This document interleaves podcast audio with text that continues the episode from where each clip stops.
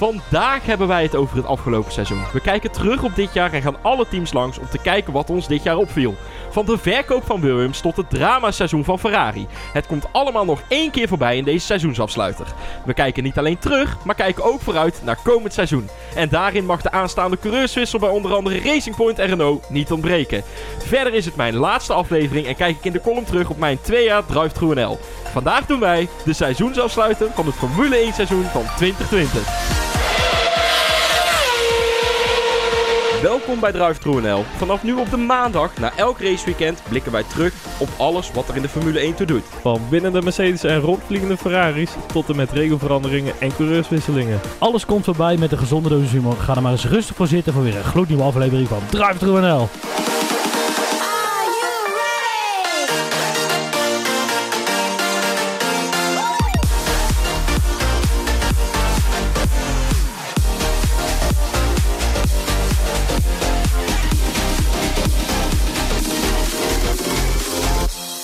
Mannen, welkom vanmiddag op Ja. deze regenachtige Ja, het is echt Kutdag. kut. kutdag. ja, kwa- kwalitatief uitermate teleurstellende dag. Hè? Ja. Ja, we gaan vandaag eens terugkijken, denk ik, eh, op, Ja. het, op het voorgaande seizoen. Beetje raar seizoen, want laten we dan maar gelijk eh, met de olifant in de kamer beginnen. Eh, het coronaseizoen dit jaar. Eh, ja, het begon eigenlijk bij de GP van Australië. Ja, toch wel, nou, toch het begon niet? eigenlijk daarvoor, want wij, ik, ik kan me nog goed herinneren dat wij hebben die eerste aflevering heb ik toen met Niels opgenomen, die voor, Ja. eerste voorbeschouwing. En we waren allemaal best, eh, ja, moeilijk aan het jaar. En toen was corona allemaal nog een beetje raar en nieuw. Dat hebben we nog in het café op kunnen nemen zelfs. Ja. Eh, want dat was nog open. Zo, hè, ja, vroeger. inderdaad. vroeger. Oh. En eh, ja, dat was een hele rare sfering daar. Toen was er al een beetje de vraag. Ik was iets optimistischer dan Niels toen. Alleen, ja, Niels heeft helaas gelijk gekregen. En eh, toen duurde het eh, bijna drie, vier maanden voordat het eigenlijk de echte eerste Grand Prix op de kalender stond. Ja, en ook die donderdag dan, eh, dat de Formule 1 weer zou gaan beginnen. Ja, continu en Sky en BBC in de gaten houden. En Sky had dan weer gezegd dat het wel door zou gaan. En Ja. BBC was van overtuigd dat het niet door zou gaan. Of, of andersom, ik heb geen idee meer. Maar zo heel veel tegenstrijdige berichten. En het, het was, er kwam zoveel nieuws in één keer op, op, op iedereen af. Dat het echt, ja, je zag Ja. de, de ja, dat is ook bomenbossen ja, dat is ook een beetje de eigenschap van Australië natuurlijk. Dat is zo verschrikkelijk vroeg. Dan gaan wij naar het slapen. En ja, dan is het maar net van, ja, wat gebeurt hier? En dan blijf je toch nog even wa- wakker. En wat doet het nou? Wat doet het nou? Want eerst vrij trainen ze om drie uur s'nachts bij ons al of zo. Zoiets, ja. ja. Dus, eh, dus eh, wat, wat doet het nou? Ja, dat is gewoon een heel rare, ja, hele rare sfeer. Maar uiteindelijk is... Wel kunnen uitslapen. Oh. Ja, nee, ja, dat, nee. Maar uiteindelijk is, omdat Mercedes heeft gezegd... Jongens, dit gaan we gewoon niet doen. Ja, McLaren was er als eerste, toch? Die had een positief geval in de... McLaren was, er had iemand positief getest en die hebben gezegd, joh, hier hebben we helemaal geen zin in. We gaan het niet doen. We vinden dit, we snappen, we vinden het allemaal eng en nieuw en eh, we weten niet wa- waar het zich verspreidt, wie het wel heeft, niet heeft. We gaan het niet meedoen. We, we schrijven ons uit. En toen had iedereen eigenlijk zoiets van, ja, nou dan- dan gaat deze race niet door. Maar daar dachten een heel hoop andere teams dachten daar heel anders over. Helmoet Marco voorop met ze, wij gaan gewoon rijden. En Ferrari wilde eigenlijk ook rijden. En eigenlijk was Mercedes de vraag, Mercedes had de vraag van, joh, wat, wat, wat moet het nou? En toen heeft Toto Wolff een telefoontje uit Stuttgart gehad. Hij zei, die zei, eh, daar, en daar hebben ze gezegd, jij zegt nu tegen al je klantenteams dat ze die motor teruggeven, want wij gaan dit weekend niet rijden. Mhm. Ja, toen, heeft, toen hebben ze moeten besluiten om, eh, om de race af te zeggen. Dus uiteindelijk is het Mercedes die dat heeft moeten beslissen. Terwijl de Formule 1... Ja, het, het, laat een beetje heel cynisch zien hoe de Formule 1 in elkaar zit. Want iedereen wil het, niemand wil voor de, ervoor opdraaien. Ze zijn allemaal naar elkaar aan het wijzen. Maar ik denk dat daar misschien... Dat, het is heel goed mogelijk dat daar een coronabom is voorkomen. Als je... Hè, de laatste, in het voetbal heb je ook zo'n wedstrijd gehad, Bergamo. En die zijn met z'n allen vrolijk feestend naar Milaan gereden... omdat er een Champions League wedstrijd gevoetbald moest worden. Want hun eigen stadion was niet af. Eh, allemaal in de metro, allemaal druk. Stond een stuk in de Volkskrant eh, dit eh, weekend. En eh, ze kwamen terug en drie weken later eh, liggen de ziekenhuizen vol. Hm, Nou, en ja. de kans is heel erg aanwezig dat dat echt de bom is geweest daar. Nou goed, en zo'n Grand Prix is precies hetzelfde. Ja, dat was dus ook weer een beetje het probleem van die Grand Prix. Want iedereen stond er al. En de fans Ja. stonden letterlijk al aan de poorten te wachten totdat die poorten open zouden gaan. En, en iedereen was er al in de stad. En eh, ja, ik, ik weet niet ja, of dan echt zo'n coronabom is voorkomen. Maar ja, in ieder geval het, het teken naar de wereld was gezet van... Oh shit, er is echt wel iets serieus Ja. aan de hand. En dat was denk ik wel het eerste moment waar, waar iedereen zoiets had van... Oh, oké, eh, Stond aan de zijn we zover. Ja. Maar volgens, wij zijn toch dat weekend ook in lockdown gegaan als Nederland zijn. Dat is volgens mij het, het weekend dat op zondag eh, de, eh, hoe heet het? Minister Bruins zei van jongens, straks om 6 uur gaat de horeca dicht, want we hebben echt een probleem. En eh, toen, toen is eigenlijk Nederland in hè, dan de intelligente lockdown eh, gegaan. Dat is volgens mij ook dat weekend geweest. Dus dat liep, het voetbal werd afgelast, eh, al die eerder die week. Ehm, eh, de IndyCar werd afgelast in Amerika. Amerika Ja. ging op slot. En Ja. toen ging ook de Formule 1 er nog eens uit. Ja. Ja. en toen was het eigenlijk was dat het weekend waarin de wereld... Ja, nou, voor een hele lange tijd en nog steeds heel erg veranderde. Ja, in principe, ik zit even terug te kijken dat eh, de aller, allereerste maatregelen in Nederland, die kwamen ja, eigenlijk tussen 5 en 11 maart. Toen hebben we ook dat Dat gezegd schudden. dat eh, ja, handen schudden en dat ook dat Brabant eh, nog een aantal dicht, dagen echt dicht moest. Toen 12 maart hebben we wat bijeenkomsten. Toen 15, 16 maart, eigenlijk een beetje halverwege en eind maart. Eind maart, 23, 26 maart is Ja. echt geworden, blijf zoveel mogelijk thuis. Koorts, alle bijeenkomsten zijn tot 1 juni verboden. Ja, en een week eerder was, ging de horeca dicht, volgens mij. 15, 16, Ja, ja. dat ja, klopt. en de Ja. BGP van Zandvoort natuurlijk, die eh, daardoor niet door kon gaan. Ja, en het eerste het- Nederlandse feestje. jongens, je zou het bijna vergeten, Ja. maar het geplande live evenement van ons heeft ook dankzij Ja. corona niet het Dat levenslicht heeft gezien. eigenlijk niet eens... Hebben we dat, dat hebben we niet eens naar buiten Dat gebracht dat dat ooit bestond? Oh, nee. Nee, dan dat was het uit- idee. Dan is goed dat we dat nu bespreken, want Nee, dat, dat, idee heeft, nee, dat idee, idee heeft inderdaad nog bestaan om, eh, ja, om de Zandvoort live met luisteraars te kijken. Gewoon eh, thuis. Want hè, bij ons kun je wel gewoon op tijd eh, weer naar huis en op tijd aankomen in plaats van dat je urenlang in de file staat. en ehm, eh, ja, dat deden we onder andere voor goed doel, Inspiration. Ehm, ja, dat kunnen we het, kunnen we het eh, uur over hebben. Supermooi doel, bekende van ons.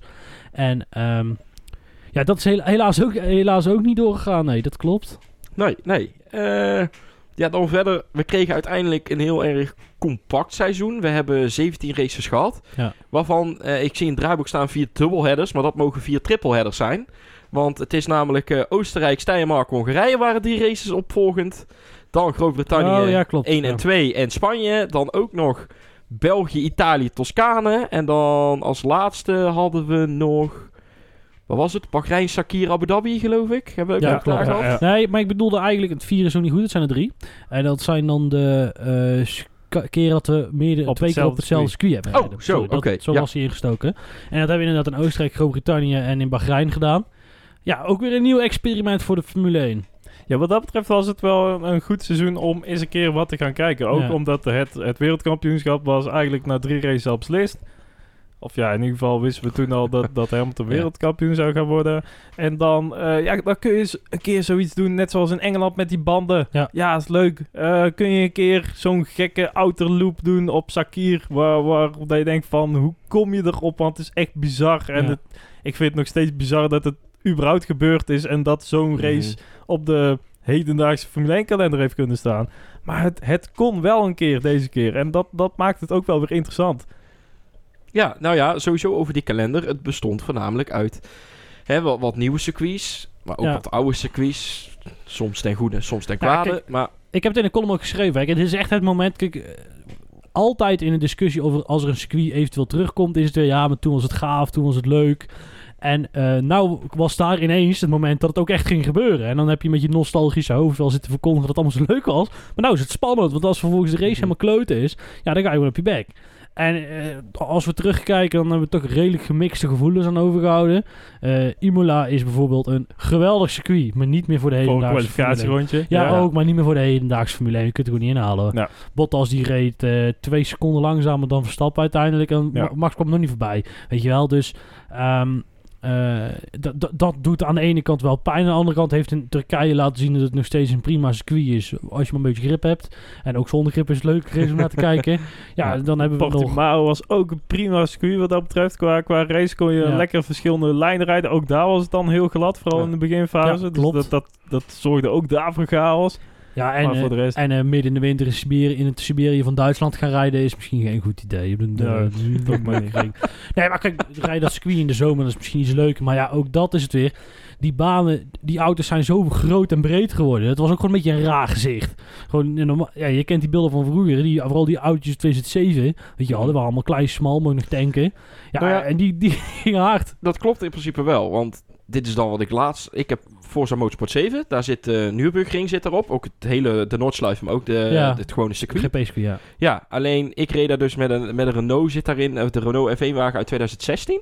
En dan rijd ik daar over de screen. Dan denk ik, daar kan hier nooit een andere auto naast. Het is eigenlijk heel smal. Ik ja. geloof wel inderdaad waar je daar... Waar je Ja, maar, zegt, ja, maar dat is dan met die auto's anders. En de auto is nu nog breder dan de Mhm. 2016 auto. Dus ja, het, het, eh, aan de ene kant... um, ja, het, het, ik denk dat de gem- gemeente... Ja, het is altijd nog beter dan de steriel Rusland. Waar gewoon gemakkelijk ruimte is overal. Maar het gewoon ook geen Ik reet ben al lang blij dat Frankrijk er dit jaar niet tussen Ja. Oh ja, eh, leuk. Wat ik heel leuk vond is eh, corona. Ja goed, en hoe ga je daar als Formule 1 mee om? Ehm, ze zijn een van de eerste die mondkapjes echt eh, breed omarmd hebben. Ehm, eh, daarna dacht Nederland in oktober, weet je wat wij doen? Doen het ook maar, want hè, er was zoveel, eh, zoveel onrust Ja. over. Eh, maar ook, hoe ga je nou die prijzen uitreiken? Want ja, dan heb je toch even face-to-face contact. Kan we niet aan de wereld verkopen. Mhm. Eh, Kun je je nog herinneren dat ze die robotjes hebben gemaakt? Dat het stukje podium zo Ja, dat klopt. beeld in kwam rijden. Maar dat, en ik kan me ook nog wel herinneren dat we in het begin hebben we juist helemaal bijna geen podiumceremonie Nou ja, gehad. midden Dat was op de grid. Ja, dat. midden op de grid en dan ja, allemaal heel veel afstand houden. Maar dat is, dat is gaandeweg het seizoen ook veranderd. Ja, kijk, uiteindelijk snapt zo'n Formule 1 ook wel dat je toch een soort van gecontroleerde omgeving gemaakt hebt. En als je gewoon, zeg maar, voor de marketing zorgt dat je hè, voor het beeld iets meer uit elkaar gaat staan. Maar ja, goed, ik heb Hamilton en Verstappen op het einde ook handjes zien geven. Ja. En even een huggie daar. En eh, toen Schum- Mick Schumacher de helm van zijn vader eh, eh, aan Lewis gaf, was dat ook even. Dus ja, gaandeweg verslapt dat toch een heel klein beetje. Ja, en dan is het u- uiteindelijk nog heel erg meegevallen met de COVID-gevallen. Want ja, we hebben Ja. dan eh Perez gehad, die een keer een race Ja. moest skippen.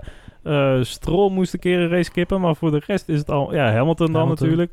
Eh, maar dat valt in principe over een heel zo'n lange tijd gezien. Valt het echt heel erg mee. En ook bij de, bij de teams zelf. Ik weet niet of ze dat een beetje stil hebben gehouden. Nee, want- ook naar Ja, nee, buiten nee, dat kan niet, want de Formule 1, de FIA maakt gewoon bekend hoeveel negatieve gevallen er zijn.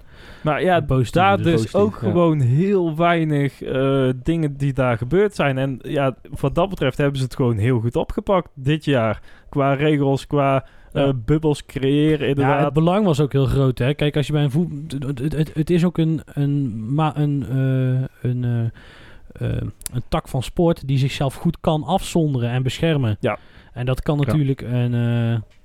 ja, dat, dat kan een voetbalwereld of een hockeywereld of een... Ja, ja, bijvoorbeeld sport. vanaf Sakir naar, eh, naar Abu Dhabi hebben ze gewoon één grote luchtbrug eh, georganiseerd. Daar, met Mhm. alle vracht, met al Ja, ja, personeel. ja, ja. Dat gewoon linea recta van plek A naar plek B kon gedaan worden.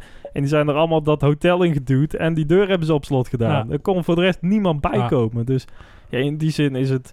Ja, dan, dan zit er natuurlijk wel genoeg geld om zoiets te, te creëren. Maar dan hebben ze dat wel goed, eh, goed opgepakt. Goed, ik, ik denk dat we dan eh, een beetje algemeen eh beetje beschrijven van dit seizoen. Blijf stilzitten. Blijf stilzitten, ja, kan moeilijk Zit je in stilzitten. een krakend eh, st- stoeltje. Lekker krakend stoeltje. Maar Maar goed, eh, Kraakt hij wel meer. dan maar door naar per team. Eh, te beginnen bij Mercedes. Hamilton dan gelijk maar BLM, Black Lives Matter. Eh Nou ja, goed, goed. veel om te doen geweest. Mercedes die even met een andere livery gaan rijden. Dat, eh, dat is nogal een gesture om je...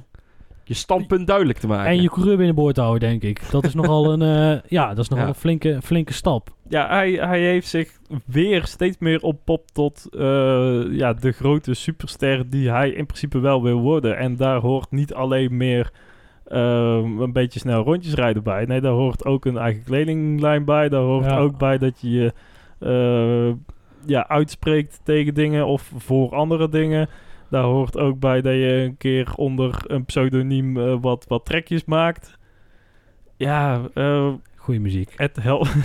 ik, ik heb het eigenlijk niet eens geluisterd. Nou, goede muziek om mensen wegjagen. Ah, zo, ja. Ah, Nee, dat klopt. Maar het is een beetje, nee, maar het, het is een beetje in die sfeer. En die vind ik, ja, ik hou er niet zo van. Het is niet zo mijn stijl. En dat eh, is dat je sporter bent. En dat is een beetje Amerikaans. Hè, dan moet je je ineens voor alles uitspreken. ja. En het is echt niet zo dat ik zeg dat ik doe dat vooral niet. Want ik ben ook blij dat er iemand is die voorbij zijn eigen cockpit kijkt.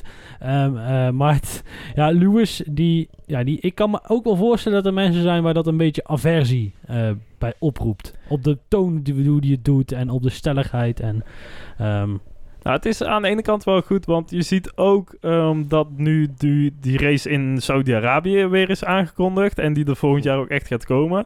Dat vanuit de, de, de, de Formule 1 community daar toch wel heel veel eh, backlash is opgekomen van... ja, eh, maar ja, eh, ik vind het een heel klein beetje race hypocriet. S1 en, Ja. en hoezo moet dat allemaal en, en onthoofdingen kijken we daar dan ook weer van weg en eh, ja, moeten we daar wel naartoe willen als sport en moeten wij de sport eigenlijk als eh, promotie gaan gebruiken voor dat land? Of zeg maar dat, dat het Ja. land de sport gaat Ja, gebruiken daar zijn ze er wel 20 jaar laat mee. 15 jaar. Ja, zeker waar. Want, ja, maar eh, je moet wel ergens een rijden- grens kunnen trekken. En die discussie heeft hij, denk ik, mede met dat hele Black Lives Matter wel meer op gang gebracht. En, en die discussie opener eh, gemaakt door zich al uit te spreken over zoiets. En als dat allemaal binnen kamers was gebleven en, en hoe ik wil sponsoren niet afschrikken. Ja, dan wordt dat toch weer, weer de drempel wordt dan weer iets Ja, hoger om ja. ook tegen zo'n Saudi-Arabië eh, in te gaan. Ja, dat, eh, nee, dat, dat, dat klopt. Ja, goed, ik vind het nog steeds ook wel heftig en knap van Mercedes ehm, dat zij zo'n statement durven te maken. Want ja, kijk naar Amerika. Nou snap ik dat Amerika zeker niet de rest van de wereld is. En laten we dat alsjeblieft, alsjeblieft zo houden. Eh, ja, daar zijn ook een hele hoop mensen die dat gewoon...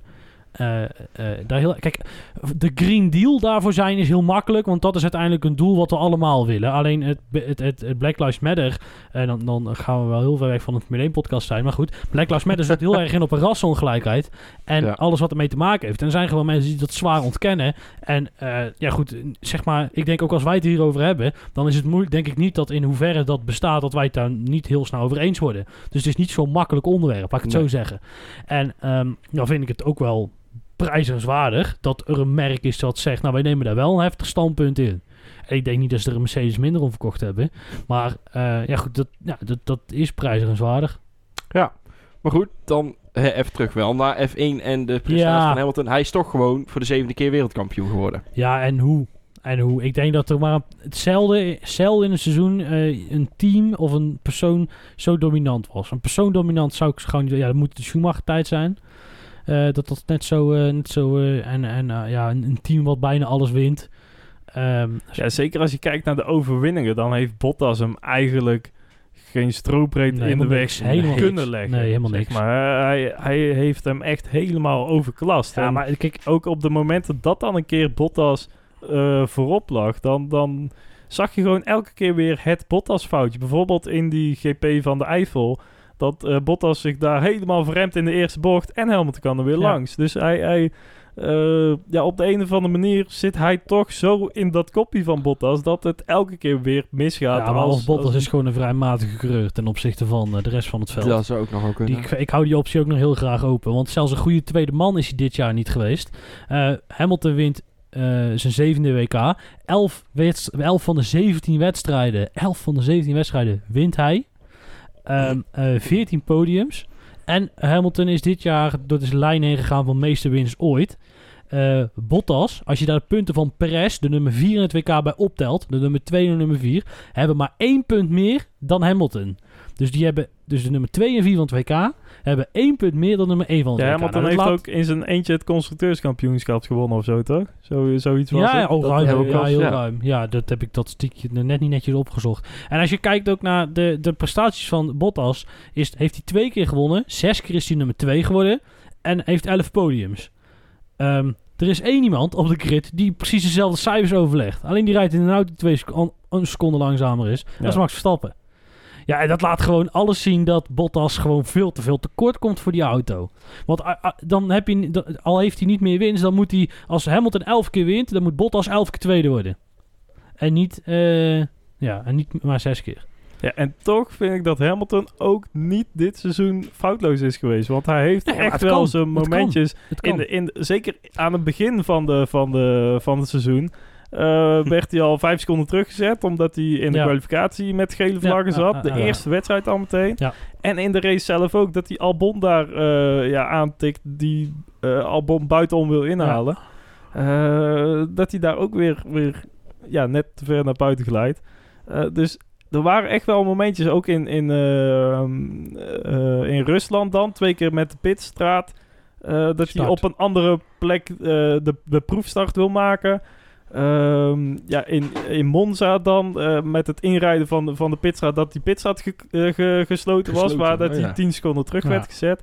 Het zijn allemaal misschien niet ehm, eh, fouten die helemaal op Hamilton zelf zijn af te rekenen, maar het gebeurt wel Ja, om, nee, dat om is zo. team Hamilton. En, en ik denk dat we wel dan in dit geval team Hamilton moeten beoordelen daarop. Ja. Nee, maar in principe, Nee, maar ja, ze doen wel. het wel met elkaar. En, Ja. en in die zin hebben ze echt wel steken laten vallen dit seizoen. Nee, dat, dat, dat Ja. is zeker. Alleen als je ziet hoe dominant het is, dat is misschien nog wel het, het grotere falen van dit jaar. Dat Mercedes zo makkelijk eh, wint. Ehm. Maar goed, de, laten Ga- we de, maar eh, daar kijken we ook vooruit. Gaat ze dat volgend jaar weer zo lukken? Ja, ik, ik denk absoluut. het wel. Ja. Ja. Nee, absoluut. Ik, ik twijfel daar niet aan.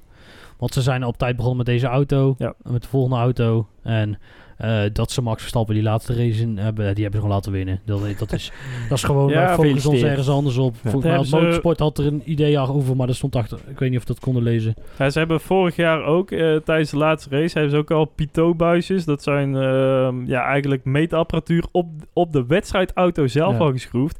Omdat in de regels stond, ehm, je moet met dezelfde auto testen. Die, die, eh, die wintertest Mhm. die meteen na de ja, race is. al- ja? Ja. Met dezelfde eh, auto moet je daar testen als je in de race hebt ingezet. Dus ze hebben gewoon die, die raceauto vorig jaar al gewoon langzamer gemaakt om tijdens die test meer data te kunnen verzamelen. En Ja. ze denken dat ze dit, dat dit se- eh, seizoen weer hebben gedaan.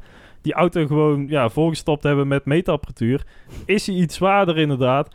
Ja, misschien winnen ze die race niet. Nou, dat is ook gebeurd. Ja. Ja, jammer dan. Dan Maar- winnen ze nog maar. Maar is het niet zo dat ze dat allemaal doen? Want de, tenminste, de Red Bull heeft ook ik niks meer te winnen. Red Bull heeft ook niks meer te winnen. Ja, dus- een overwinning nog dit seizoen. Ja, zal er alleen. Ja, weet je, ja. Het zou kunnen. Ik weet niet. Ja, kijk, die, ja goed. Dat, eh, dat zou ik. Ja, ik, dat vind ik lastig hoor. Ja. Want ja. Het, eh, Nee, ik denk niet dat de andere teams dat echt zo, eh, zo gaan doen. goed, ik, ik ben benieuwd. Ja, ik, ik weet niet van vorig jaar hebben ze dat bij meerdere teams al gezien die al uitgereden waren, die gewoon met sensoren al raceten. Ehm, ja, goed. Dat. eh, Overigens, Mercedes is wel ja, verkocht. Het team is... ja, het is een beetje opnieuw opgedeeld. Ja. Ehm, eh, hoe het precies zat van tevoren weet ik niet. Alleen eh, wat ik zeker weet is dat Wolf van 30% naar 1 derde eigenaar is geweest. Dus dat is 33,333%. ja, Ehm, eh, Daimler heeft een aandeel terug, eh, hun aandeel teruggeschroefd, ook naar een derde. En Ineos, weet je wel, dat bedrijf dat alleen maar sportteams koopt als ze al een paar keer wereldkampioen zijn geworden. Ja. Dat Mhm. bedrijf, net is bij het wielrennen. Eh, dat heeft ook een derde eh, eigendom in het bedrijf geko- ge- gekocht. En daarmee is eigenlijk de toekomst van, Formule 1, van het Formule 1 team Mercedes is veiliggesteld. Eh, Toto Wolff blijft nu drie jaar zitten en Hamilton gaat ook gewoon nog heel vrolijk drie jaar bijtekenen. Dat is eigenlijk een beetje de... Dus nou weten we waar we- Hamilton op aan het wachten was. Oké. Hey. Ja. dan maar door naar, naar Red Bull, denk ik. ja. Ehm, Nee, nou kijk, weet je, waar, eigenlijk waar we dus net op uitkwamen... is dat de combinatie Verstappen-Red Bull heeft gewoon gefaald dit jaar. Hoe je dit nou wi- wi- wil wenden of niet. En dan kan, je er, kan Verstappen er zelf heel laconiek over doen. Of het zijn maar een paar foutjes. Maar Hamilton heeft maar elf keer gewonnen... en die andere zes keer Verstappen niet. Nee. En waar, twee dan. Maar ja, en dan moet je er zijn. En dan is het eigenlijk een falen van Red Bull. Dat eh, zowel eh, Gasly, eh, Sainz en Stroll het podium halen op Monza. Dat is gewoon Ja. falen van de Red Bull auto. Hoe, hoe je het nou went of verkeerd. En dan kun je hem allerlei analyses op loslaten. Monza is nooit ons circuit. Maar je bent de tweede auto van de grid en je haalt het niet. Turkije. Ja, dat kan Max Verstappen heel leuk vertellen in zijn interview. Nee, maar ik probeer de Perez niet in te halen. Maar het feit dat hij er zo kort achter zit, zegt Mhm. dat dat is gewoon dat iedereen snapt dat. En dat kun je het wel. Hongarije is echt een bizarre fout. Als, Ja. je, het, als je het helemaal Nee. terug gaat. Terug Nee, nee. Niels, daar zien wij verkeerd. Ja, dat is nee, ook zo. er is, want Max Verstappen had heel veel grip. Daardoor ja. eh, wist niet waar de grip was. En eh, daardoor heeft hij de eerste ronde ook twee auto's met een hele slechte start in kunnen halen. Ik bedoel, eh, nou, dat. Het is Ja. wel van God. Ja, Tom Coronel is, Ja, maar jongens. We gaan het er, ik, we gaan het er niet te veel over hebben, want we, maar het is, het is, het is bizar waar we afgelopen vri- vrijdag naar hebben zitten kijken. Of nee, ja, dus, dus vorige week vrijdag alweer. Dat Ja. je bij droge ogen Max Verstappen 9,5 geeft. Ja. Dat kan toch niet? Dat betekent dus dat hij maar een heel klein beetje beter hoeft en dan wordt hij wereldkampioen. Ja, dat slaat gewoon Dat hij bijna op. foutloos is geweest. Ja, maar dat slaat gewoon nergens op. Heb je gewoon Ja, echt een en dat. Hamilton dus ook gewoon Net zo, verschrikkelijk hoge cijfers heeft. Terwijl het echt geen perfect seizoen Nee. is geweest. Nee. Bij lange na niet. Nee, nou, nou heeft eh, Hamilton nog wel een race gehad waarin hij echt laat zien dat hij de beste is. Hè? Een Turkije. Dus gewoon op de baan blijven en iedereen maakt maar fouten en hij wint hem. Dat heeft Stappen niet gehad. Kijk, ehm, eh, voor zijn doen dan, moeten we er wel bij zeggen. Hè? Kijk, eh, Verstappen is nog steeds de nummer 2 coureur van de grid. Mhm. Bij afstand. Ja. Dat wel. Maar je kunt gewoon niet beargumenteren dat hij foutloos is geweest. En dat, dat geschreeuw wat daar bij Ziggo vandaan komt, is gewoon bizar. Overigens wil ik wel zeggen dat ik de productie van Ziggo wel complimenten moet geven. Want dat interview met Max was wel mooi en netjes uitgevoerd. Dat kunnen ze echt wel. Dat, nee, maar goed, niet dat alles daar kut is. Vooral de Nee. mensen die op de tv zijn. Maar... He- Heeft iemand trouwens die documentaire gezien? Nee, die staat nog Nee, op mijn niet. eh, Ik verlanglijstje. heb ook nog niet ja. gezien. Nee.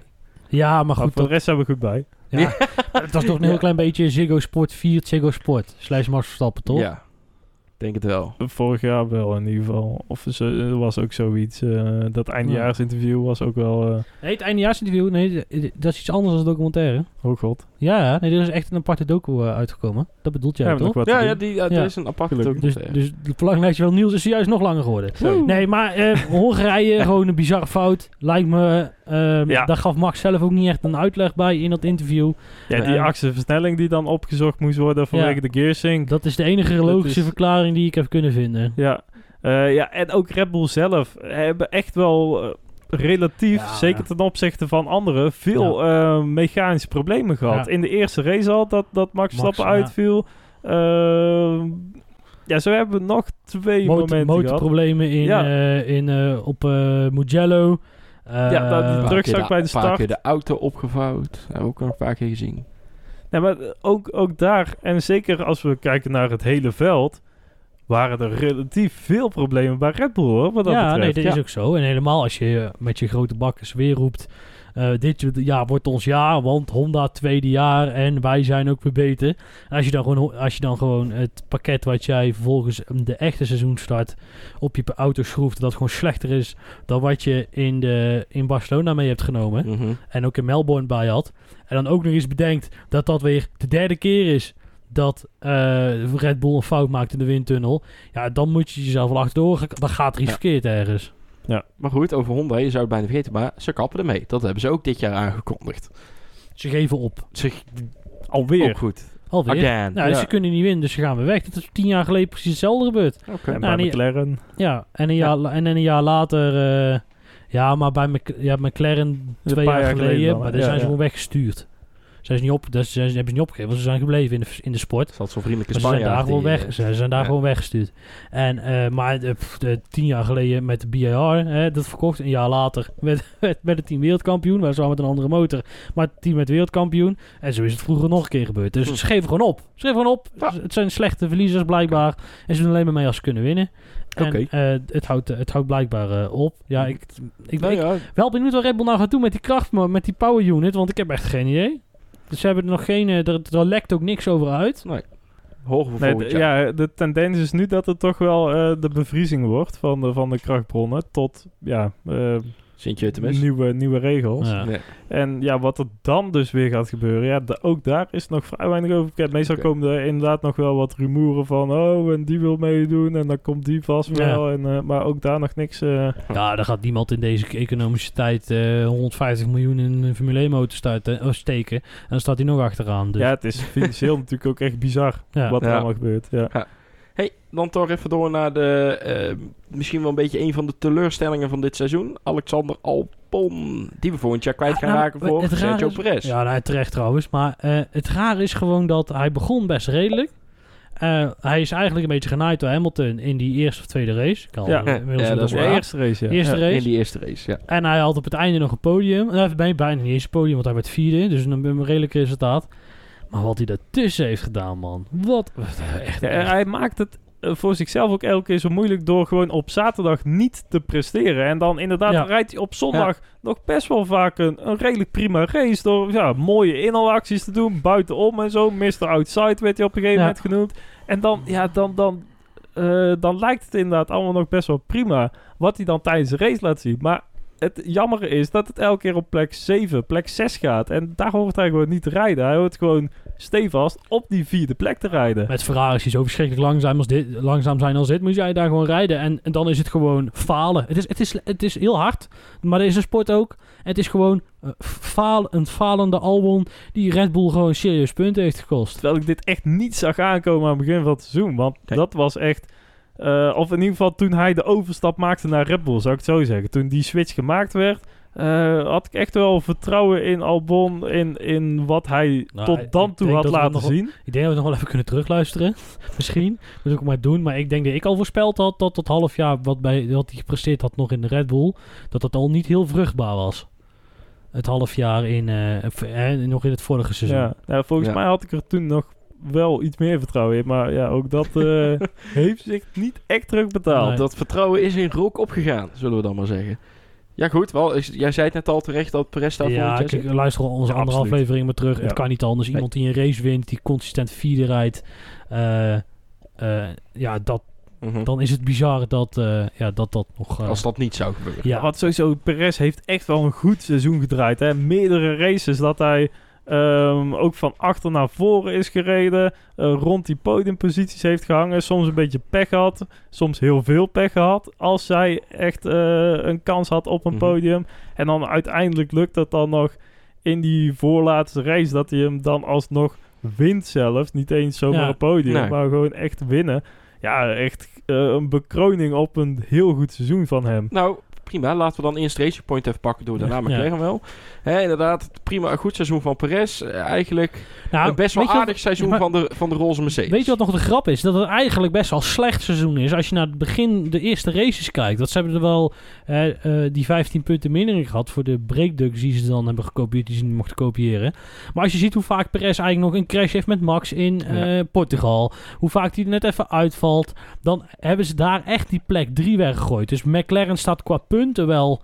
eh, eh, hoe heet het? eh, derde in het WK-kampioenschap. Maar als je gewoon kijkt naar snelheid op de baan, inclusief coureurs, had eigenlijk wel Racing Point er moeten staan. Ja, en twee races nog waarin hij niet eens meedeed. Ja. Qua zijn eigen resultaten dan. Ja, hè, waar- dat hij, Ja, waar, waarvan één zijn auto uiteindelijk niet start. Dus Hulkenberg niet start. oh, nou. Oh ja, En, zuur.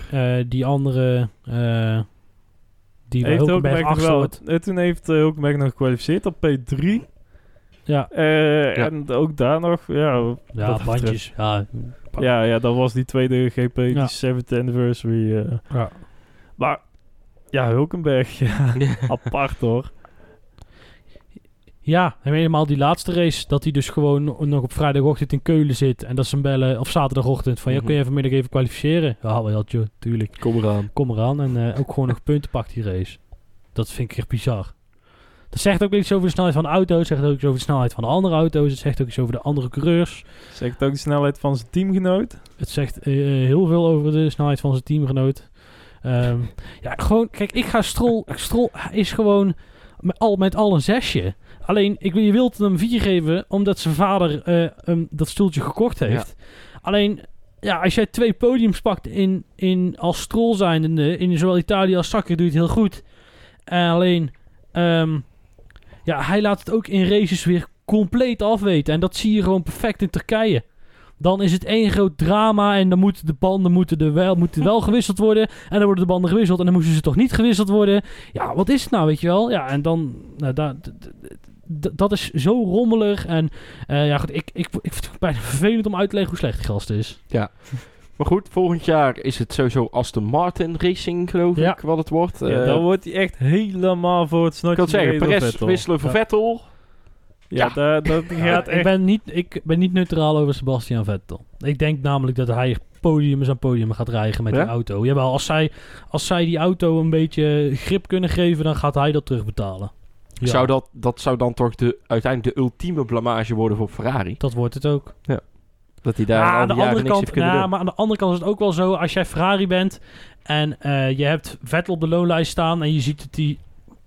eh, Mager presteert. ja, dat, Ja. Dat, dat, dan, en je ziet ook wat die kost per maand. dan kan ik me ook voorstellen, je zegt, we gaan verder kijken. Alleen wat ze gewoon niet gedaan hebben, en dat is een beetje raar, is met Vettel het gesprek aangaan. Van joh, eh, wat zijn jouw eisen voor als je wil blijven? Want eh, we gaan niet, jou niet nog een keer eh, een contract aanbieden waar jij 40 miljoen per jaar gaat verdienen. Mhm. Dat kan en niet corona-wise niet. En ik weet niet of je gekeken hebt naar je eigen prestaties, maar lijkt me ook niet echt heel reëel. Nee. Ja, goed. Nou, ik vind eigenlijk wel goed dat, dat eh, Ferrari nu eindelijk eens een keer eh, vooruit gaat kijken. En echt naar de toekomst gaat Nee, ja, kijken. ook en goed, een prima. team gaat opbouwen. Want Vettel, je weet dat hij nog twee, drie jaar doorgaat. En dan stopt hij ermee. Dan is het gewoon klaar met Vettel. En ehm, nu is het eindelijk dat ja, Leclerc die is daar al eerder aangetrokken als het nieuwe wonder, toekomst, kind, god, alles, allemachtig. en nu komt eh Sainz daarbij, die daar gewoon een hele goede tweede Ja. coureur gaat zijn. Een soort alle Nou, Nico denk- Rosberg een Mm, ja. beetje. Ik denk, nou ja, Ro- ja, ja als je Oh. die Rosberg noemt, ja, die het gewoon heel moeilijk gaat maken en misschien wel Ja. wereldkampioen kan worden. Eén keer. of tenminste een keer. beter is Ja. dan, de, de, dan ja. z- z- zo'n zo'n compaan. Eh, een, een jaar. Nee, dat kan heel goed. Dat geloof ik ook wel in. Alleen, nogmaals, eh, je hebt het al over iemand die vier keer wereldkampioen is geworden. Iemand die echt binnen is gekomen als dit wordt de nieuwe man. En die flik je gewoon via de achterdeur naar buiten. En ik denk dat dat gewoon niet netjes is. Eh, ik denk dat dat gewoon, dat gesprek had plaats moeten vinden. En ehm eh, eh, Ach ja, al als- voor het seizoen hè. Ja. Kijk, nou eh, hebben we met de wetenschap van dit seizoen erbij. Maar voor het seizoen hebben ze al gezegd, we willen niet verder met jou. Mhm. En dat is allemaal leuk en aardig. En dat is misschien nog begri- begrijpelijk ook. Maar gaat het gesprek aan. eh geef in ieder geval de schijn van een deal. En, eh, maar dit, is, dit vond ik eh, ruw en eh, onnodig. Als Leclerc straks drie, vier keer wereldkampioen is, dan eh, zijn ze dat al lang vergeten in Maranello. Dat denk ik. En wel. de, en de tifosi ook wel. Want ja, ik denk echt dat dit seizoen Leclerc een van de meest ondergewaardeerde coureurs is qua prestaties eh, van het hele Ja. veld. Terwijl hij begon slecht, hè? Hij begon slecht. Ja, hij, een paar echt maar hele dat domme crashes. dus ook. Hij, hij heeft grandioze races gereden. Echt heel Ja. goed met, met dat hok wat hij on- onder zijn kont heeft zitten. Maar hij heeft dus ook echt grandioze fouten gemaakt. Waarin dan Sakir de meest overduidelijke was. Eh, met die crash waarin Ja. hij eh, ja, zowel Perez Nou, van de ja, baan goed, nou, afstoot en, ja. en, eh, en Max maar hij rijdt ook tot twee keer toe Vettel van de baan af. Ja, dat. Hij heeft, het, het is elke keer weer hetzelfde. Het is elke keer weer dat hij als een gek aan de binnenkant van een bocht zit... en dan in één keer verrast is als iemand anders ook naar binnen stuurt. Ja, zo werkt het niet, jongen. Nee, Nee. nee, nee. Nou, maar ik, ik- en ik vind Leclerc nog wel in, eh, nog meer hebben dan Verstappen. Dat hij nog even mag leren. Hè? Hij loopt nog twee jaar achter op Max in principe. Wat Mhm. dat betreft. En ehm, eh, alleen die, die dat zijn wel te grote fouten. Ja, en, en dat het dus, Dus- elke keer terugkomt. Ja, en dat, En- dat moet er wel uit. En dus inderdaad ook eh, met teamgenoten dat hij in de Ja. clinch ligt. En Met helemaal, ook, zeg maar, in, in de tijd van nu, dat je gewoon je punten altijd moet pakken. Anders dan is iemand anders beter. Kijk, er zijn ook jaren dat wereldkampioenen gewoon twee, drie keer per jaar uitvielen. Dat is nou ondenkbaar. Dat is echt ondenkbaar. Want de rest blijft op de baan. Ja, en, en eh, dan is die consistentie wel nodig, wil je echt punten pakken. En dan is denk ik Sainz een hele goeie. Eh, waar het niet tot volgend jaar voor Ferrari gewoon een heel moeilijk jaar gaat worden weer. Ja. Want ze hebben echt niet alle Mhm. problemen opgelost. En die achterkant, ik heb die crash van eh, Leclerc in Monza nog gezien, waar die oh, nou, niet bijzonder veel aan kan doen. Ze noemen het wel een ja, maar ze noemen het wel een stuurfout. Maar die achterkant verdwijnt gewoon. Hij moet, hij moet voor die achterkant corrigeren. En, en bam, weg is hij. Ja, dat, ik vind dat niet echt een fout van hem. Ja, niet... Ik vind... Ja, goed, het, het laat ook wel iets zien over dan, eh, de, de, de han- behandelbaarheid. De handling. Handling. Ja, ja, ja. De, van, van de auto. Vooral aan die achterkant. Die is echt eh, heel slecht. Ja, ja, waar Vettel ook het meeste problemen had. Wil ik dan door naar McLaren, als Ja. jullie dat... eh, Ja, ik even terug. Ja, ik even terug inderdaad naar McLaren. Eigenlijk, een, we dachten in het begin hebben we, nog- hebben we nog geroepen, dat ging echt lekker, maar dat liep toch een beetje... Nou, kijk, inderdaad, ze begonnen heel sterk. Toen kwam op een gegeven moment die deal naar buiten dat ze met Mercedes-motoren gingen gaan rijden. Toen hebben ze eigenlijk gezegd, nou, we stoppen met deze auto. eh, ontwikkelen, want we gaan, eh, ja, volgend jaar moet die Mercedes erin en alles verandert daardoor. Dus ook waar, wheelbase, Mhm. alles gaat dan op de schop, want die motor heeft net weer een ander massamiddelpunt, bla bla bla. Ja, dat wordt Ehm, nog wel een dingetje hoor.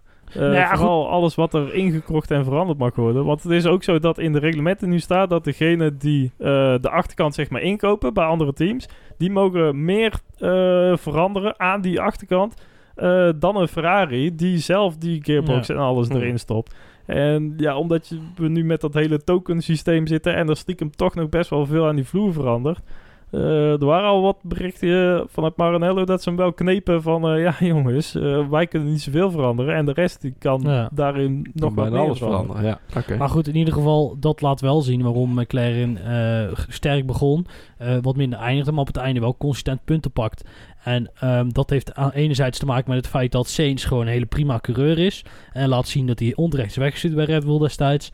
En ehm, eh, Norris ontwikkelt zich ook echt stormachtig. Ook niet alleen in zijn rijden, maar ook als personality. Mhm. Ik vind hem, eh, hij, wordt, hij, kan, hij wordt op belangrijkere momenten iets serieuzer.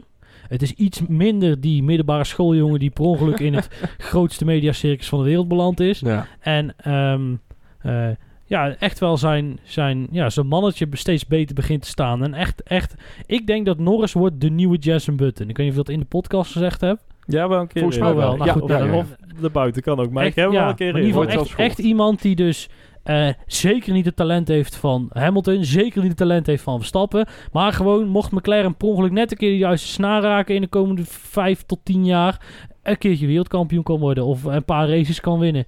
En eh, ja, Button had dat ook. Hè. Die heeft ook een lange tijd voor Honda gereden destijds. Dat was ook helemaal niks. Een keer gewonnen in Hongarije 2006. En out of nowhere werd hij 2009 ineens wereldkampioen. Nou, Norris zou dat, precies dat kunnen doen. Ook een personality, goede gast. eh nou, et Ja. Oké. Eh, dan maar door naar Renault. Ja, Ricardo. De tattoo.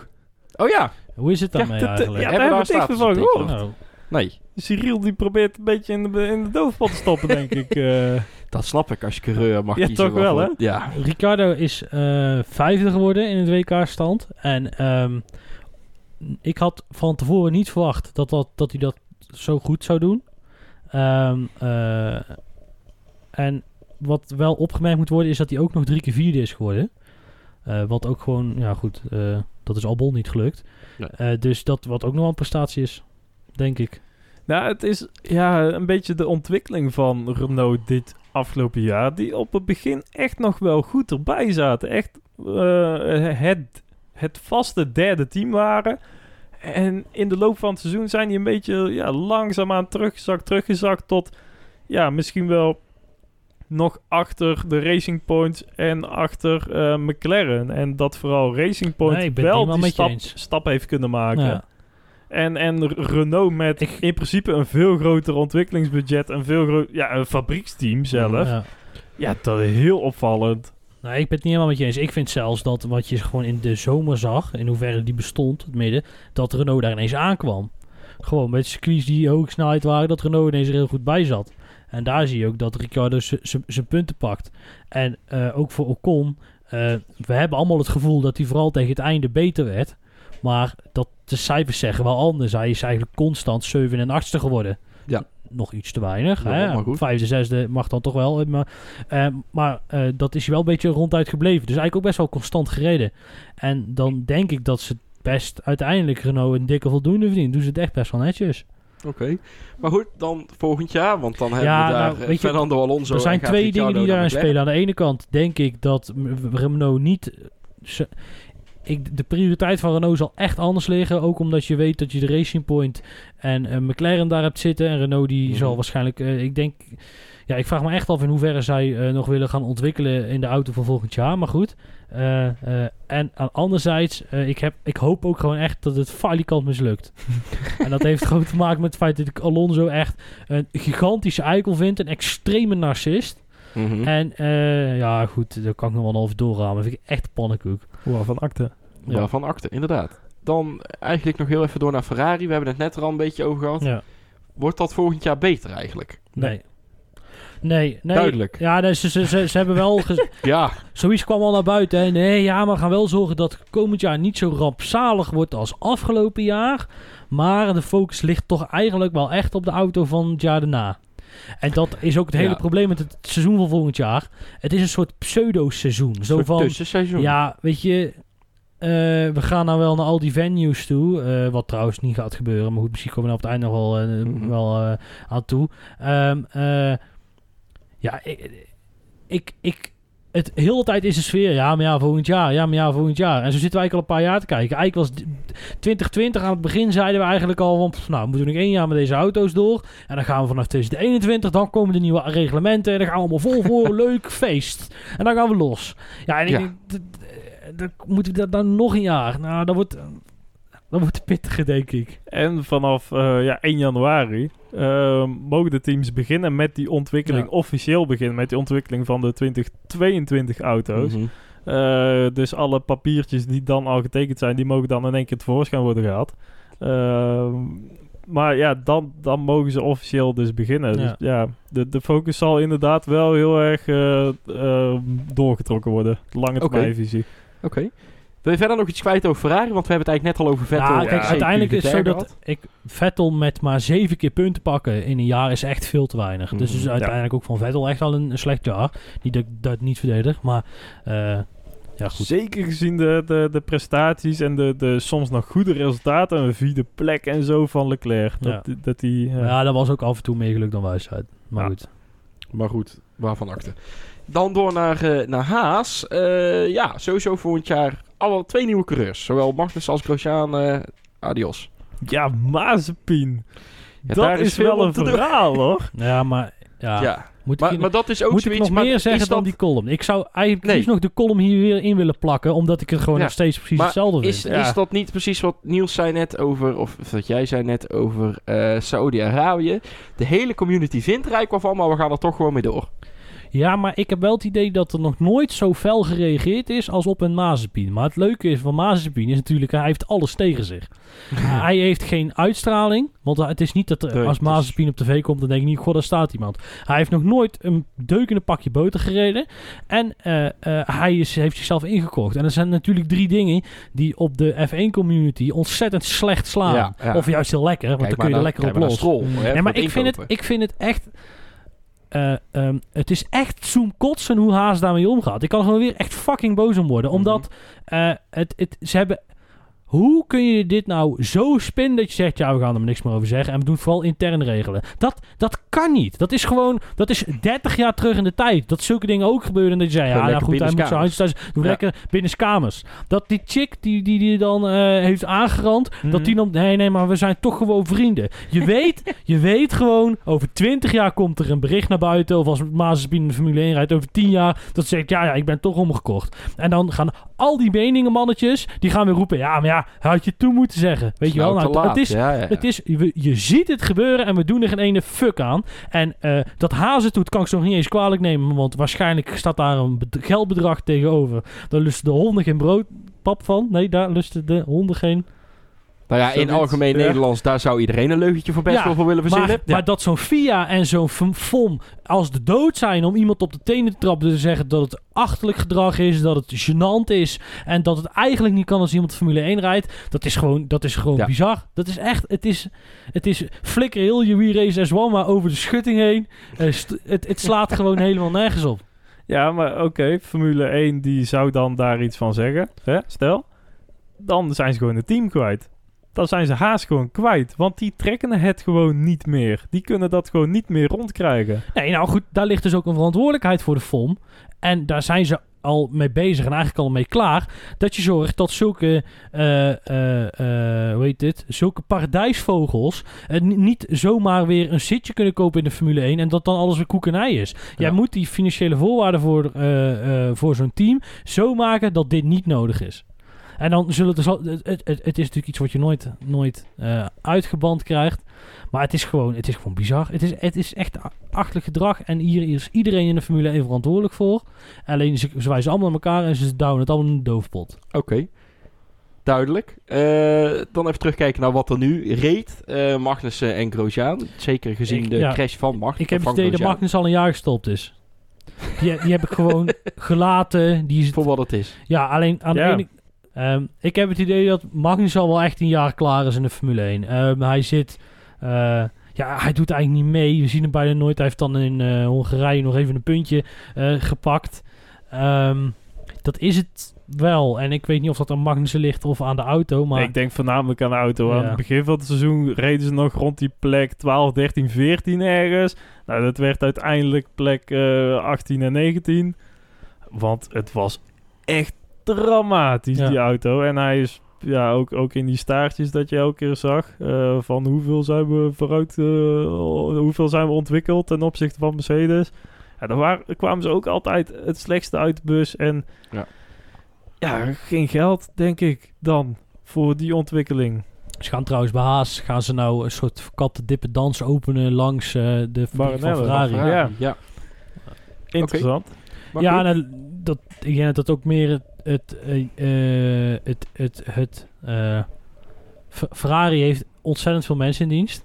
Mhm. En die moet, ja, ze moeten bezuinigen, want ze mogen maar, eh, eh, wat is het, 145 miljoen dollar uitgeven. Nou, iets meer omdat ze ook nog een motor bouwen. Maar daar moeten gewoon mensen uit. Ja, wat doe je er dan mee? Ja, Die stop je haas. en, en die gaan niet naar Amerika toe verhuizen om bij Haas te werken.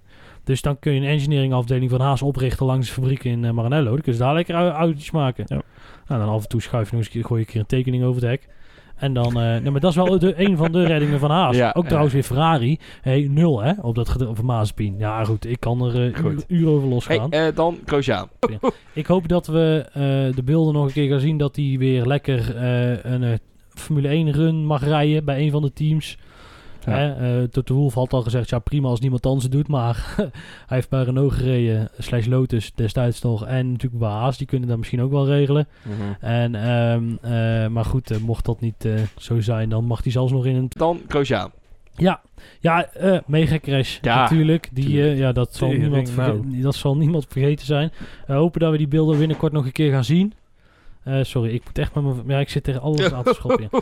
Ik hoop dat we eh, de beelden nog een keer gaan zien dat hij weer lekker eh, een Formule 1 run mag rijden bij een van de teams. Ja. Hè, eh, Toto Wolff had al gezegd, ja prima als niemand anders het doet, maar hij heeft bij Renault gereden, slash Lotus destijds nog, en natuurlijk bij Haas, die kunnen dat misschien ook wel regelen. Mhm. En, ehm, eh, maar goed, eh, mocht dat niet eh, zo zijn, dan mag hij zelfs nog in een 2018 Mercedes rijden. De snelste auto waar hij ooit in gereden heeft waarschijnlijk. en ehm, eh, ja, dat, ik hoop dat we die nog zien. Ja, het, heeft wel een indruk achtergelaten. Ook dat interview wat hij toen na- bij eh ja, dat vooral. Brundle inderdaad. gaf. Ja, Ehm, ja, zeg maar, het is wel een persoonlijkheid. In dat, in dat idee ga je hem wel missen. Maar hij heeft ook al niet, ja, zeg maar, als je En dat was vooral aan het begin van zijn, zijn carrière. Dat hij echt nog wel leuke dingen liet Ja. zien. En ook, ja, misschien daar ook wel de middelen voor had. En nu gewoon niet de auto daarvoor. Want het is echt een hok. Eh, maar ja, Ik wil Ja. nog wel iets over zeggen over die crash. Omdat ik Oh. dat eigenlijk ooit bewaard had om misschien een keer in een column te proppen. Maar ehm, nou goed, eh, dat, eh, dat, liep, dat net even anders. Maar dat maakt niet uit. Het is, het is, ik vind het oneerlijk om te doen alsof Grosjean heel veel geluk gehad heeft. Omdat dat namelijk niet recht doet aan al het werk wat die ingenieurs de afgelopen Mhm. jaren erin hebben gestoken om die auto zo veilig mogelijk te maken. Ehm, we hebben Giovinazzi, die, komen, die hebben we in de muren zien vliegen en weg zien lopen. Eh Leclerc begraaft zichzelf onder een stel banden op Monza, die zien we weglopen. Grosjean, die gaat door de vangrail heen, zijn auto vliegt in de fik en hij stapt gewoon uit en loopt weg. Dat het, als je doen alsof dat geluk is, ehm natuurlijk heb je altijd factor geluk nodig. Mhm. Dat is, ik denk, oneerlijk naar onder andere Charlie Whiting en al, al die andere ingenieurs die zich ermee bemoeid hebben over de afgelopen tien jaar. Dat denk ik wel. Die, in- inderdaad, wat je zegt, er zal altijd een factor geluk zijn. Maar dat je daar in feite al die mensen ja. die erachter hebben gezeten... toch wel flink tekort doet. Ja, je zult maar maken van de, ma- maken van de, van de Halo zijn. En die redt gewoon de afgelopen twee jaar. Ja. eh, Het afgelopen drie, vier... Nee, hoe lang zit erop? Derde jaar zit hij er nou op. Redt hij zeker twee tot drie levens. Ik kan Leclerc in Spa had gewoon het achterwiel van Alonso gekopt. Mhm. En eh, nou, eh, Grosjean was onthoofd geweest.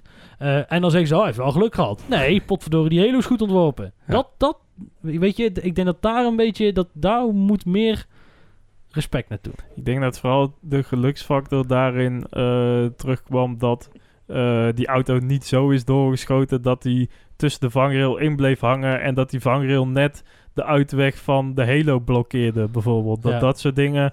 Want daarin zijn wel echt 10 centimeter links of rechts. Mhm. En dan had het wel heel erg verkeerd af kunnen lopen. Dus inderdaad, eh, zeker heel veel. ehm, eh, ja, hoe noem je dat? Heel veel lofuitingen voor iedereen die daar eh, zijn ziel en zaligheid heeft in- ingelegd in die ontwikkeling van al die, die, die veiligheidsmaatregelen. Maar ja, die geluksfactor, die is ook wel zeker aanwezig geweest, hoor. Oké, hey, daar hebben we eigenlijk nog één keer, die hebben we nog niet benoemd hier. Eh, Schumacher, gaan we daar volgend jaar nog iets van zien of niet? Ik kijk er wel naar Ja, uit. ik denk wel een Omdat- race of 22. Drie- 23. 23. En eh, Ja. ik kijk daar eerlijk gezegd wel naar uit. Want ik ben benieuwd hoe hij zich verhoudt ten opzichte van Mazepin. Ik vond hem in de Formule 2 heel goed. En vooral Eh, op het einde dan, hè, ja. die laatste paar races. Ja. Ja, we moeten Schumacher ook zeker de tijd geven. Mhm. Ik hoop, maar dat is niet aan, ze, aan hem, dat ze ook binnenkort nog iets over zijn vader laten weten. Ja. Nou, Ehm, eh, ja, ik ben, ik, ben, ja, ik ben wel echt benieuwd naar die jongen. Omdat ik het moeilijk vind om hem echt goed te kunnen beoordelen. Want Formule 2 en Formule 3, dat is natuurlijk altijd een... Ja, ja, eh, ja er, er, er is altijd de zweep van... eh, die jongen moet slagen om hem heen Mhm. geweest. En ik denk dat dat, als je hem dan in een haas stopt... dan ont- wil je dat wel heel erg graag ontkrachten, zeg maar. Ja, en, en dat, ehm, dat het in die juniorklas altijd moeilijk is om echt een goede vergelijking te maken. Omdat ervaring speelt een hele grote Ja. rol. Mhm. Maar omdat die auto's ook allemaal hetzelfde zijn. Nou, laat ik het anders zeggen. Die auto's zouden hetzelfde moeten zijn. Ja. Er is dit jaar ook in de Formule 2, ik, ik ben zijn naam even kwijt. Maar die heeft ook ehm, na Spa een, een andere auto aangevraagd. Omdat ze gewoon zagen dat hij met dezelfde eh, afstelling ehm, op Monza, zelfs in de slipstream van iemand anders, nog niet de topsnelheid haalde van zijn teamgenoot. En da- na die switch re- eh, reed hij in één keer eh, volle bak punten. Ja. dus daar Hm. zit altijd Maar, nog een ja, heel moeilijk verschil Ja, dat heeft gewoon in, te maken eh, met de constantheid van hoe zoiets uit de fabriek komt dan. De chassisbouwer en de motorbouwer, dat is allemaal extern in de Formule 2. Ja, dat maakt het vergelijken, zeker in de ook juniorklasses, heel erg lastig. Ja, en daarom ook als je dan Schumacher in de laatste race in, in Bahrein ziet, dan maakt hij toch wel een gigantische fout door in de eerste of tweede bocht zich compleet te verremmen. En ja, bijna, ja, bijna het dat kampioenschap weggooien. is, eh, de, Ja, dus, eh, maar nogmaals, eh, inderdaad, aansluitend op wat Niels net zegt. ehm, ik ben echt heel benieuwd hoe hij het volgend jaar gaat doen. En ik hoop dat hij af en toe een keer een puntje kan sprokkelen.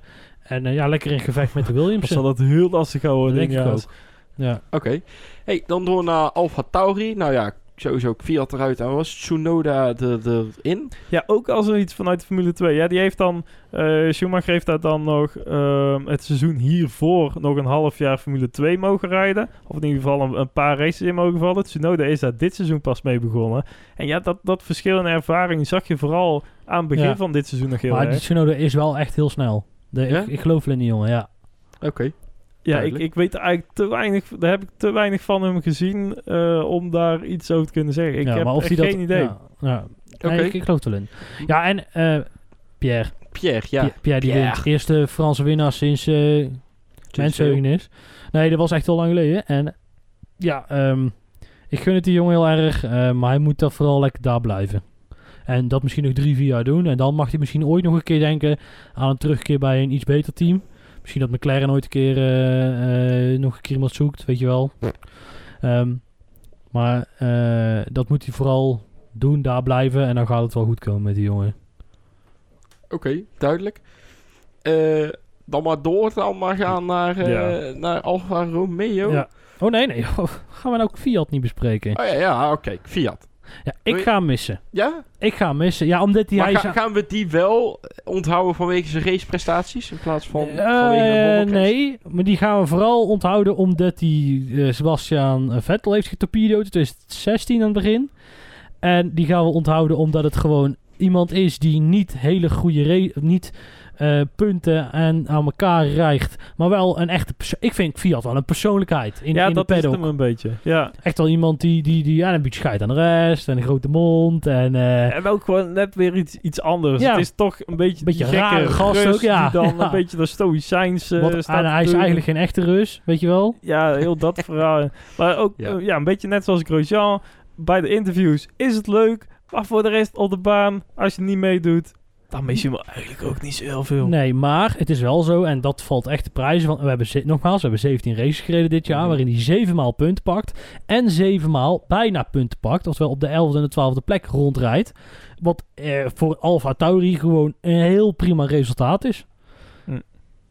Dus ja, dat zeker. Valt het, dan, eh, valt het die zeven keer net even, net even anders, dan pak je net een punt. En ja, nou net niet.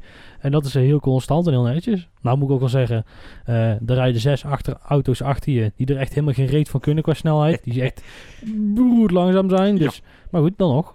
Oké. Nou, dan nu wel door eh De Alfa Romeo. naar Alfa inderdaad. Ja. Daar blijft iedereen volgend jaar gewoon zitten. ja, en, Zit. en En daar, hebben we al voldoende al- over gezegd, denk ja, ik, toch? inderdaad. Ja, dus Giovinazzi, dat... Ja, Ja, ik blijf aan mijn punt dat- Ik blijf aan mijn punt dat het, nou goed, en nou hebben we het inderdaad in het, in het jarenoverzicht kunnen zien. Hij eh, vouwt twee keer dit jaar de auto op op een hele rare plek. Dit kijk, Fiat hij had en dan nog in, eh, in eh, Engeland kon hij er niks aan doen, want iedereen gaat er over de curb, dus het kan gewoon. En zijn achterband houdt hem erop, daardoor vliegt hij Ja. eraf. Maar Giovinazzi die komt gewoon te wijd. Die komt gewoon te wijd uit de spa en die knalt zijn fout zijn auto op. En die vouwt ook die auto van Russell vervolgens op. En eh, ja goed, ik vind, in eh Mugello kon hij dan niet zo heel veel aan doen. Want Russell maakt mijn in- inziens nog steeds daar de fout. En, ehm, eh, maar, maar ja, het, het, het- ja, het- echt, zet iemand anders er neer, joh. Eh, zet die Eilit erin, weet ik veel. Ik snap nog steeds in december, daar hebben we gehouden. Oké, duidelijk. Ruikonen dan nog? ja, dat hij er nog zin in heeft, joh. Ja, In- dat snap in dat, ik ook In dat niet. hok van een auto. Maar Ja. zou die ook niet op zijn bankrekening kijken en denken, nou, is toch leuk dit? Nou, maar ik- krijgt hij Nee. dat bij Alfa Romeo? Ik Nee, bedoel, die- die betalen hij heeft geen jaren bij, bij Ferrari gezeten. Die is daar echt Ja. wel binnengelopen. En dan moet hij nu voor ja, die zakcentjes bij... eh, Ja, je zou toch zeggen, gaat ook lekker met je vrouw daar in de sneeuw spelen. Geweldig, man. Lekker een mooi huisje, kiddo's erbij. Ja. ja. zoiets, ja. ja. Maar goed, hij Die kan, vrouw van hem, die kan trouwens schrikkelijk goed ijshockeyen. Kijk. Zo. Ja, ik zat van de Hey. week op, eh op eh, Kimmy's Insta. en had een, Maar eh, kijk jij dan voor het ijshockey of voor... of toch Nee, nee, ik zat, ik zat op, Insta, op de Kimmy's Insta, Oké. zeg maar. En die, die schoot ik even een paar pucks boven in het hoekje. Dat is toch best knap. Hartstikke idee. Hartstikke idee. Oké. Hey. Had ze plat. Willen we verder nog iets kwijt over. Alfa? nee, hè? Verandert... eh, verandert Nee, ja, ik verwacht volgend jaar eigenlijk dat ze... Nog ehm, steeds kut is. ja, ik, ik weet gewoon niet zo goed wat ze... Ja. Wat, wat, daar, wat, wat, wat is er nou bij Alfa Romeo wat je perspectief geeft? Ja, waarom zit Niks. hij ook in de Formule 1? Ik bedoel, net zoals een beetje zo'n haas. Dat is ook zoiets van, ja, maar waarom jaar. rij je mee? Er is nul Ja. uitzicht. Ja, Ik geloof ook niet dat het met die nieuwe regels veel anders gaat zijn. Want ja, perspectief Ah, niet. is er gewoon niet. Nou ja, het is meer, kijk, waarom vindt zo'n Fred Vasseur het nog leuk om daar te zitten en zo'n Raikkonen? Dat vind ik heel raar. Kijk, waarschijnlijk hangt die Sauber-sfeer daar nog wel een beetje. Het is eigenlijk nog steeds Sauber. Sauber is het ook nog, ja. En, ehm, ja, ik, ja, ik was, je wilt toch een aanknopingspunt hebben, toch? Kijk, bij, bij, bij eh, Toro Rosso hoopt iedereen dat hij ooit bij Red Bull mag, eh, terecht kwam, mag komen. Ja, en bij Alfa Romeo zit gewoon niet eens kans op punten, weet je wel. Dat je niet eens de nieuwe Racing Point wordt.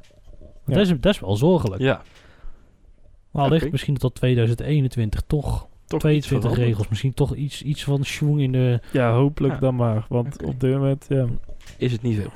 Door naar Williams. Eh, eigenlijk het nieuws van Williams zijn overgenomen. Ja. Ja, en Frank, Frank Williams is er uit het ziekenhuis. Dat is iedereen wel redelijk nieuws. opgelucht Ja. Zo nou. mee is, denk ik.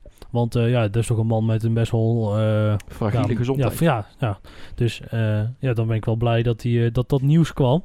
Ehm, wat mij opviel, en dat komt eigenlijk ook uit het interview van Max, is dat ehm, Max wel echt Russell serieus, een serieuze tegenstander ziet voor de toekomst. Mhm. Hij, dat, dat merk je gewoon in hoe hij over hem praat. Dat hij hem wel echt. Hij, wij doen af en toe nog wel eens een beetje denigerend over George. En eh, ehm, na zijn gigantische blunder op Imola is het nog niet eens onterecht. eh, altijd. Alleen daar wordt echt wel ook door mensen die er wel veel verstand van hebben, wel rekening mee gehouden dat hij er wel echt aankomt. En dat hebben we trouwens in Sakir ook gezien. Want hij reed twee rondjes in die auto en hij was al sneller dan Bottas. Wat gewoon gênant is voor Ja. Bottas. Dan zie ik de, de toekomst voor Max nog best wel positief in. Want eh, de, als we nu kijken naar eh, Max, Leclerc en Russell, dat zijn dan de grote drie eigenlijk voor de toekomst. Vind ik Max daar veruit de constantste. Kijk, qua snelheid kun je ze nu nog niet vergelijken, want je hebt ze nog niet met vergelijkbaar materiaal gezien.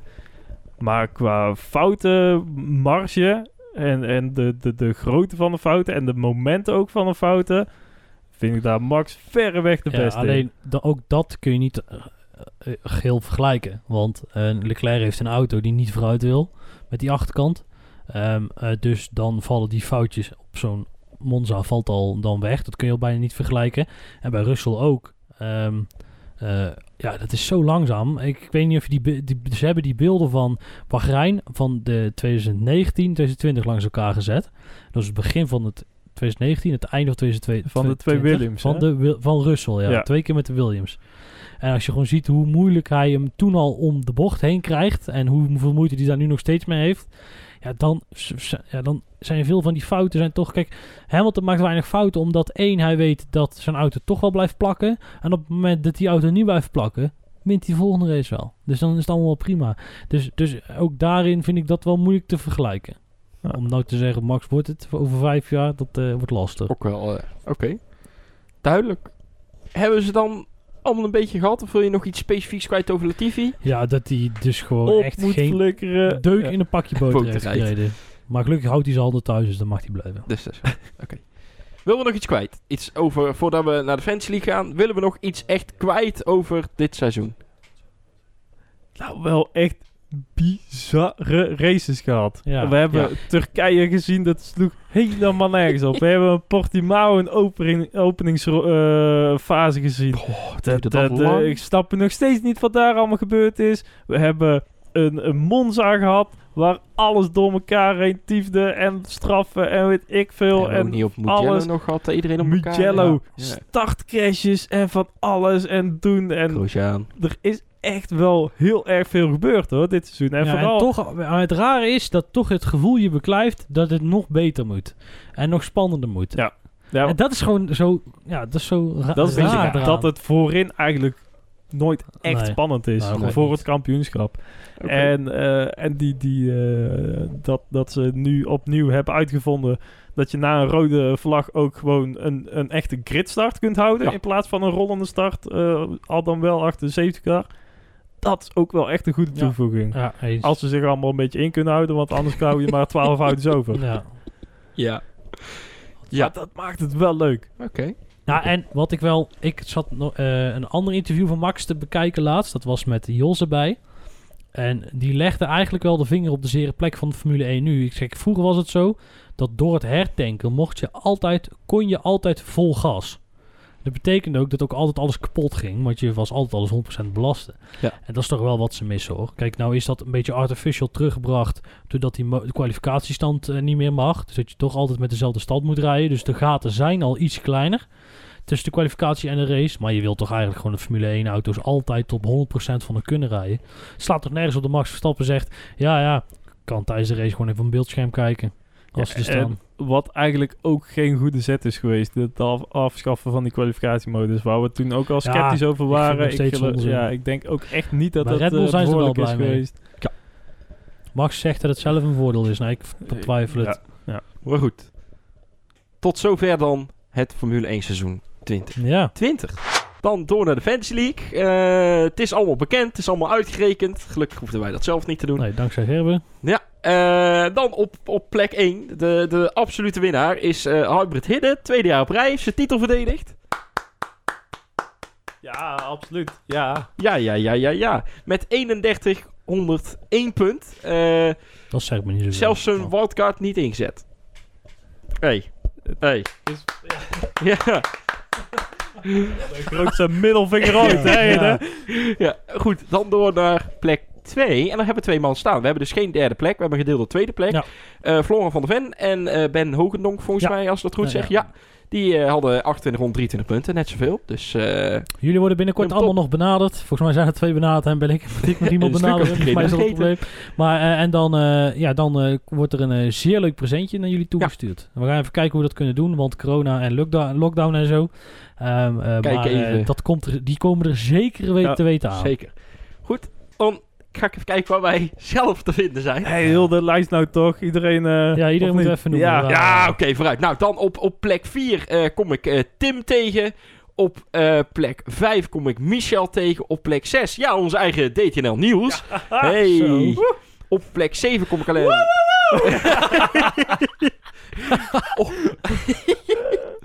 op plek 7 kom ik alleen tegen. eh, op Hallo. plek 8 Yvonne, denk ik. Jezus, jongens, ik ben slecht in namen.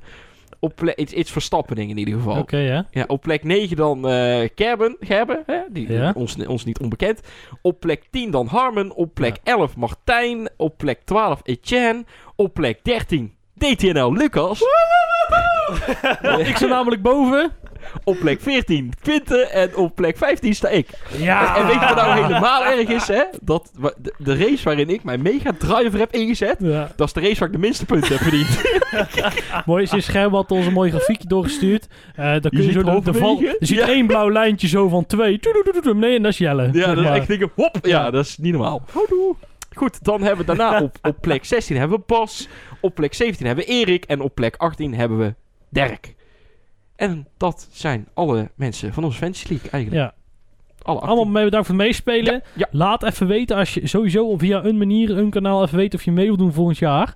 Eh, sowieso hoeft dat niet per se, maar dan krijg je sowieso een herinnering. En dan Ja, gaan we, we dat- houden je dan op de hoogte. Laat ons weten via eh, Twitter, Facebook of Instagram. Of via onze eigen site. Laat daar een reactie achter. En, eh, en we houden iedereen op de hoogte. Dat we volgend jaar eh, ja, met een nog meer eh, Ja. weer een nieuw seizoen eh, in kunnen gaan. Doe volgend jaar ook gewoon mee. Tuurlijk. Misschien Ja, ik dat is geen concurrentie. Doe maar mee, joh. Als ik volgend jaar wel win, dan eh, hebben we uit te leggen. Ja. dan is het tijd nu voor de, voor de column. Ja, tranen trekken nou al. nee, nou, dat zal wel meevallen. Gebruikelijk doet Lucas die. Alleen ik heb eh, een paar weken terug aangegeven... ik zou de laatste aflevering van mij in de afsluiter... zou ik dat nog wel eens willen doen. Nou, bij deze. Want, beste luisteraar... Zoals ik een aantal weken terug al aangaf... zou ik graag nog één keer een column willen doen. Met als thema mijn terugblik op twee jaar Drive. Laten we dan maar eens beginnen met waar dit avontuur ooit begon twee jaar terug. Het is een hersenspinsel geweest van Lucas, die mij in de auto op de hoogte bracht van zijn idee. Een podcast leek hem wel wat, maar dan wel over de Formule 1. Want daar wist hij wel wat over en ik vond dat ook wel leuk. Met z'n tweeën is zo'n podcast ook niet leuk, al gaan de heren dat volgend jaar wel proberen. Dus wij zochten nog een derde persoon. We gaan het gewoon doen. We gaan het succesvol maken. Ja. Nu wisten wij gelukkig wel een F1-orakel, namelijk Niels Maas. En zo geschiedde het. In januari van 2019 zag Drive Through NL F1 Podcast het levenslicht. Met op 15 februari van dat jaar de trailer. Als de podcast-amateurs die wij waren, begon het in de kantine van Molendijk de Kaatsheuvel. Ik denk dat ik voor ons allemaal spreek als ik zeg dat ik nog steeds dankbaar ben voor het feit dat we van die kantine gebruik mochten maken. Het geluid was, als we er nu heel objectief naar terugkijken, gewoon ronduit kwalitatief uitermate teleurstellend. Yup. Voor de wat jonge luisteraar, je kan het allemaal terugluisteren. Maar Ja. zeg niet dat ik je niet gewaarschuwd heb. Wij begonnen met een achtergrondmuziekje en met elke race een andere intro voor ons allemaal. Van Kookeiland tot professor Alain Prost. Oh, we hebben ja. het één Ja. seizoen lang allemaal voorbij horen komen. Oh, dat is erg. Wel fijn dat we na vier afleveringen erachter kwamen dat je beter van de zijkant dan de bovenkant in de microfoon kan praten. Yup. Ja. Even voor de info van de luisteraar. Voor zo'n recording wordt altijd het geluid getest. Ik wilde je dan ook nu een fragment laten horen van drie mannen die een imitatie doen van Don't Stop Me Now. Maar gelukkig voor Niels ben ik het fragment kwijt. Gelukkig. Ja. Wat veel mensen ook niet weten is dat ik tijdens zo'n aankondiging altijd ging staan. Dat gaf mij meer energie. Ja, ja, het waren rare tijden in het DTNL beginjaar. Ons Alfa, man. Ja. Leg hem even op tafel. We besloten al snel om visitekaartjes te laten drukken. Ja, en dat hebben we geweten. Ik denk dat ik er nog 60 heb liggen. Met het 60? oude logo en een weblink die nooit gewerkt heeft. Ja, dat klopt. Zelfs het achterlaten. ja, Ja, ik heb het laatst nog 250 weggegooid. ja.